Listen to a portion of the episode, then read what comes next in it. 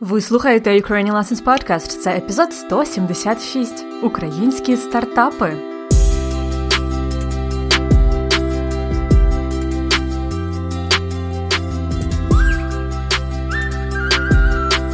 Привіт-привіт! Це Анна, і це подкаст Уроки української. Подкаст для всіх, хто вивчає і любить українську мову. Ми повернулися після новорічно-різдвяних канікул, і для першого епізоду нового 2021 року я вирішила вибрати оптимістичну тему тему про інновації та майбутнє. Хочу розказати вам сьогодні про деякі найуспішніші українські стартапи. Можливо, ви вже чули, що в Україні дуже популярною є сфера IT інформаційних технологій. Ми так і говоримо українською IT, хоча пишемо ІТ. Так от, в Україні є багато професійних розробників або програмістів, це те саме розробники або програмісти. Інша справа це стартап або нова технологічна компанія. Для цього потрібні інвестиції та сильні лідери. Отже, сьогодні я хочу вам розказати про кілька українських стартапів, тобто компаній, які були створені в Україні недавно. Під стартапом я маю на увазі молоду технологічну компанію. Деякі з цих компаній уже не є стартапами, а є повноцінними компаніями, але вони були стартапами в минулому. Ці компанії, стартапи створюють інновації, тобто щось новітнє, щось нове, сучасне. Я буду називати стартап і пояснювати, чим він займається, який продукт чи послугу створює, а також згадаю імена засновників, тобто людей, які заснували або запустили чи створили певну компанію. То як, готові починати?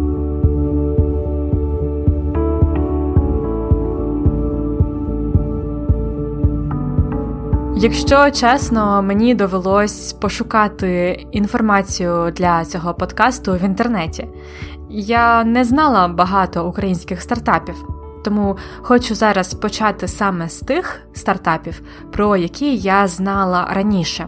Переважно це компанії пов'язані з мовами, а також з вивченням мов. Ну тому я про них і чула. По-перше, це компанія Grammarly. Я давно чула про цей сервіс, бо сама ним користувалась. Це дуже зручна і якісна програма, яка виправляє помилки в англійській мові. Звичайно, це орфографічні помилки, розділові знаки, але не тільки. Grammarly використовує штучний інтелект і не просто виправляє помилки, а й взагалі дає вам рекомендації, як покращити текст, стиль тексту, як підібрати слова кращі, можливо, синоніми. Наприклад, якщо ви пишете офіційний бізнес-лист, то програма виправить е, неформальні слова на більш формальні. Grammarly можна встановити як розширення у браузер або як програму на комп'ютер. Є безкоштовна і платна версія. Компанію Grammarly заснували українці Максим Литвин та Олексій Шевченко у 2009 році, і зараз її оцінюють у понад мільярд доларів. Штаб-квартира компанії знаходиться у Сан-Франциско, але більшість розробників працює в офісі в Києві. Рекомендую вам завантажити собі безкоштовну версію Grammarly і спробувати, як вона працює. Це справді корисна штука. Ще один український стартап, який може стати саме вам у пригоді, це Preply або Preply. Це платформа для пошуку репетиторів і вивчення іноземних мов. Якщо ви знаєте мене досить довго, то можливо ви чули, що я часто рекомендувала сервіс iTalki. Так от, Preply – це дуже схожа платформа. Я раніше нею не користувалась, але тепер, коли я знаю, що це український сервіс, то я буду його всім рекомендувати. До речі, це моя подруга Дарця нещодавно почала працювати в офісі Preply в Києві. Так я і дізналася про цю компанію. Стартап запустив Кирило Бігай у 2012 році. Я читала історію заснування про те, що Кирило шукав для себе курси китайської мови, але не міг нічого нормального знайти. То йому час не підходив, то місце було незручне. І тоді йому спала на думку ідея створити таку платформу. Зараз, якщо зайти на preply.com, ви побачите дуже сучасний інтуїтивний інтерфейс. Там можете ввести мову або предмет, вартість навчання, країну репетитора, зручний час, а тоді вибрати собі вчителя і забронювати урок. Наразі база сервісу нараховує понад 50 тисяч репетиторів. Ще один український стартап для вивчення мов називається AllRight. Це онлайн-платформа для вивчення англійської мови для дітей. Там є реальні уроки з викладачами, а також інтерактивні домашні завдання з ботами. При цьому вся програма складається на основі штучного інтелекту. Компанію заснував українець Олег Оксюк, і зараз вона активно розвивається по всьому світу. Далі сервіс для відеострімінгу Restream. Наразі це один з найперспективніших стартапів в Україні. Завдяки Restream користувачі можуть е, проводити відеотрансляції або стрімити на більш ніж 30 платформах е, водночас. Це YouTube, е, Facebook, Periscope та інші платформи. Наприклад, парламент Польщі Сейм проводить свої трансляції якраз у Restream. Ну, а ще за останній рік, е, у 2020-му, сервіс набув е, такої великої популярності, бо багато подій відбуваються тепер саме онлайн і потребують е, такої трансляції, тобто стрімінгу. Створили цей сервіс двоє програмістів з Вінниці: це Олександр Худа і Андрій Суржинський. Наступний стартап називається Mobalytics. Це онлайн-тренажер для геймерів на основі машинного навчання. Як ми знаємо, сфера геймінгу зараз дуже популярна, навіть е, популярніша за кіно. Тому сервіс е, також став дуже популярним, особливо у 2020 році. Заснували Mobalytics е, Богдан Сучик і Микола Лобанов. Наступний стартап це, можливо, найбільш успішна технологічна компанія України за фінансовими показниками. Це е, GitLab чи GitLab, я не впевнена. Її оцінюють у майже 3 мільярди доларів. Це сервіс для it розробки така зручна платформа для програмістів, яка містить е, різні корисні інструменти для програмістів. Наскільки я розумію, GitLab надає змогу розробникам разом працювати, ділитися інформацією і координувати свою роботу, а також повертатися до попередніх версій коду, який вони пишуть. Коротше, це супер корисний сервіс для програмістів.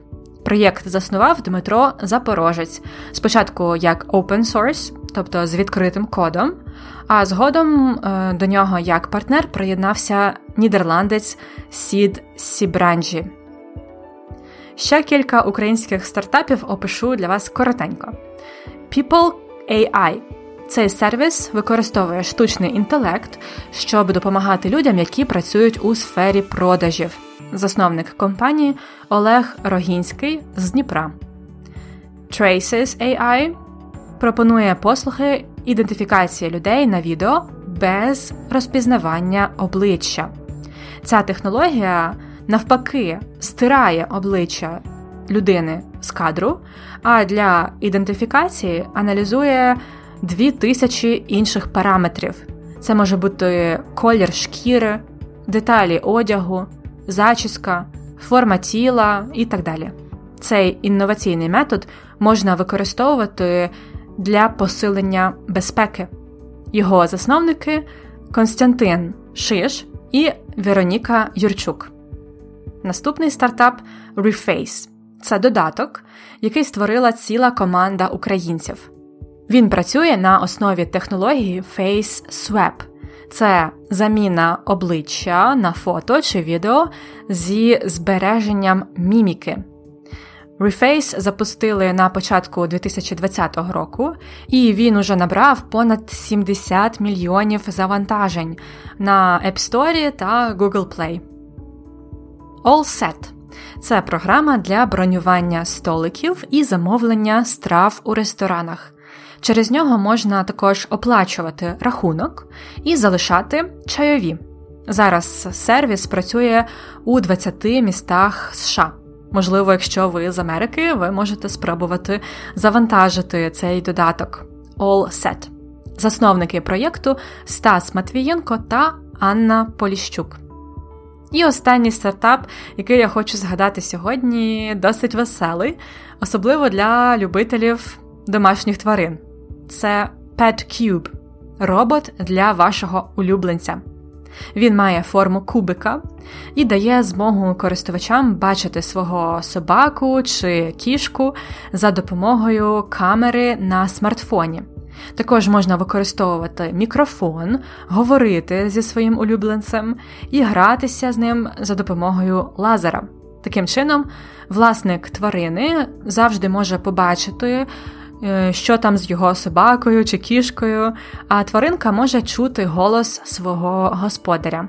Крім того, Pet Cube – це ціла спільнота власників домашніх тварин. Проєкт створили у 2012 році Алекса Нескін, Андрій Клен та Ярослав Ажнюк. До речі, готуючись до цього епізоду, я послухала досить цікаве інтерв'ю з Ярославом Ажнюком в іншому подкасті Засновники. Він ділиться багатьма цікавими думками про перспективи стартапів та інновації в Україні. Я думаю, вам має сподобатись це інтерв'ю. Я залишу посилання на нього на сторінці цього епізоду. ukrainianlessons.com риска епізод 176.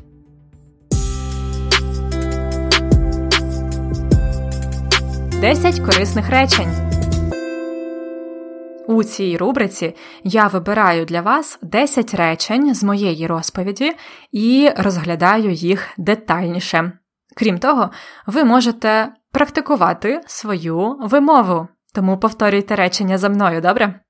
Речення номер 1 Під стартапом я маю на увазі молоду технологічну компанію. Це речення один з варіантів дати визначення якомусь поняттю чи терміну. Ви починаєте з прийменника під плюс орудний відмінок під стартапом, і далі я розумію або розуміють, якщо це загальне визначення. Наприклад, під інформаційними технологіями розуміють сукупність методів, процесів і засобів для роботи з інформацією. Це визначення, тобто пояснення якогось поняття, терміна. А зараз повторіть ще раз моє речення про стартапи. Під стартапом я маю на увазі молоду технологічну компанію. До речі, мати на увазі це розуміти. Маю на увазі. Речення номер 2 Ці компанії створюють інновації. Що таке інновації? Під інноваціями розуміють новітні ідеї та продукти, нові технології, які є результатом прогресу.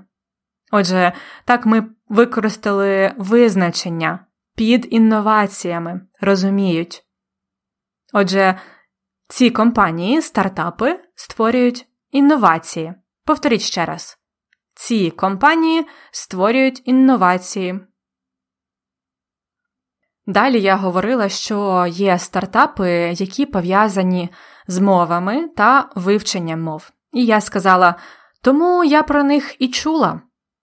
У цьому реченні я помітила, що досить цікаво я використала слово і. Насправді, і тут наголошує на наслідку. Тут є зв'язок причини і наслідку. Причина ці подкасти про мови, а наслідок тому я про них чула, тому що я люблю мови, так? У цьому випадку, щоб наголосити на наслідку, ми вживаємо передієсловом і. Повторіть. Тому я про них і чула. Наступне речення також подібне. Я говорила, що моя подруга почала працювати в офісі Преплі. Так я і дізналася про цю компанію. Знову ж таки, тут маємо причину. Моя подруга почала працювати в Преплі. І наслідок я дізналася про цю компанію. Моя подруга почала працювати в Преплі, так я і дізналася про цю компанію. І перед дієсловом. Це досить цікава така унікальна структура речення, яку не можна порівняти з англійською мовою, але українці досить часто так говорять. Зверніть увагу на ось це і перед дієсловом. Повторіть ще раз. Так я і дізналася про цю компанію. Наступне п'яте речення. Grammarly використовує штучний інтелект. Штучний інтелект це технологія, над якою, мабуть, найбільше зараз працюють програмісти. Англійською мовою це абревіатура AI Artificial Intelligence, штучний інтелект. Українською ми говоримо або англійську абревіатуру AI, або штучний інтелект. Grammarly використовує штучний інтелект. Наступне шосте речення. Штаб-квартира компанії знаходиться у Сан-Франциско. Штаб-квартира це головний офіс компанії або організації.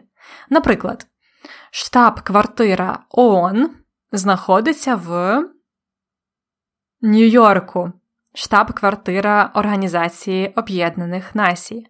А штаб-квартира ЄС знаходиться в Брюсселі, штаб-квартира Європейського Союзу. Повторіть ще раз про Grammarly. Штаб-квартира компанії знаходиться у Сан-Франциско. Далі номер 7. Є безкоштовна і платна версія. Безкоштовна версія це коли ви нічого не платите за якусь програму. А платна версія це коли ви платите гроші, щоб користуватися додатковими функціями. Багато програм мають е, безкоштовну і платну версію. Навіть цей подкаст, правда? Повторіть, є безкоштовна і платна версія. Речення номер 8 це таке сленгове речення. Це справді корисна штука. Це я сказала про Grammarly. Я сказала, це справді корисна штука або штучка. Це такий розмовний сленговий варіант сказати щось про сервіс чи продукт, який вам з чимось допомагає, є для вас корисним. Наприклад, нещодавно я купила маленький кухонний комбайн. Це досить корисна штука, бо можна робити домашній майонез, соуси, арахісову пасту. Це досить корисна штучка. Це може бути якийсь товар чи сервіс. Повторіть, це справді корисна штука. Наступне речення номер 9. Наразі це один з найперспективніших стартапів в Україні. Я говорила так про стартап Restream. Наразі це одне слово, яке означає зараз, на сьогодні. Але це більш формальний варіант, тобто слово наразі говорять частіше в новинах чи на бізнес-презентаціях, наприклад, але не з друзями. Наразі. Отже, наразі Restream – це один з найперспективніших, так, велике слово. Це прикметник перспективний, такий, який має великі перспективи, може досягти успіху в майбутньому. Перспективний, найперспективніший ступень порівняння. Повторіть повне речення. Наразі це один з найперспективніших стартапів в Україні. І останнє речення я сказала, коли рекомендувала вам послухати епізод іншого подкасту інтерв'ю. Я сказала: Вам має сподобатись це інтерв'ю. Ми часто говоримо саме таке речення, щоб порадити щось. Ми думаємо, що це буде цікаво іншій людині. Ми припускаємо, що це сподобається комусь іншому, і ми кажемо: тобі має сподобатись це. Наприклад, якщо ви знаєте когось, хто слухає подкасти і вивчає українську мову, ви можете сказати: Послухай Ukrainian Lessons Podcast, тобі має сподобатись цей подкаст. Або просто Тобі має сподобатись. Або, якщо формально чи в множині, вам має сподобатись. Повторіть. Вам має сподобатись це інтерв'ю. Ось і все. Перший епізод 2021 року. Тему українських молодих компаній мені підказав слухач подкасту. Тому я і записала цей епізод. А які ще теми вас цікавлять? Пишіть мені свої ідеї. Ну і як завжди, ви можете отримати доступ до повного транскрипту, тексту епізоду, списків слів і речень, корисних вправ і карток. Для цього оформлюйте нашу преміум підписку. Більше про преміум, а також посилання на те цікаве інтерв'ю на сторінці епізоду ukrainianlessons.com риска епізод 176 ukrainianlessons.com slash episode 176 Бажаю вам гарного початку чи продовження року. На все добре!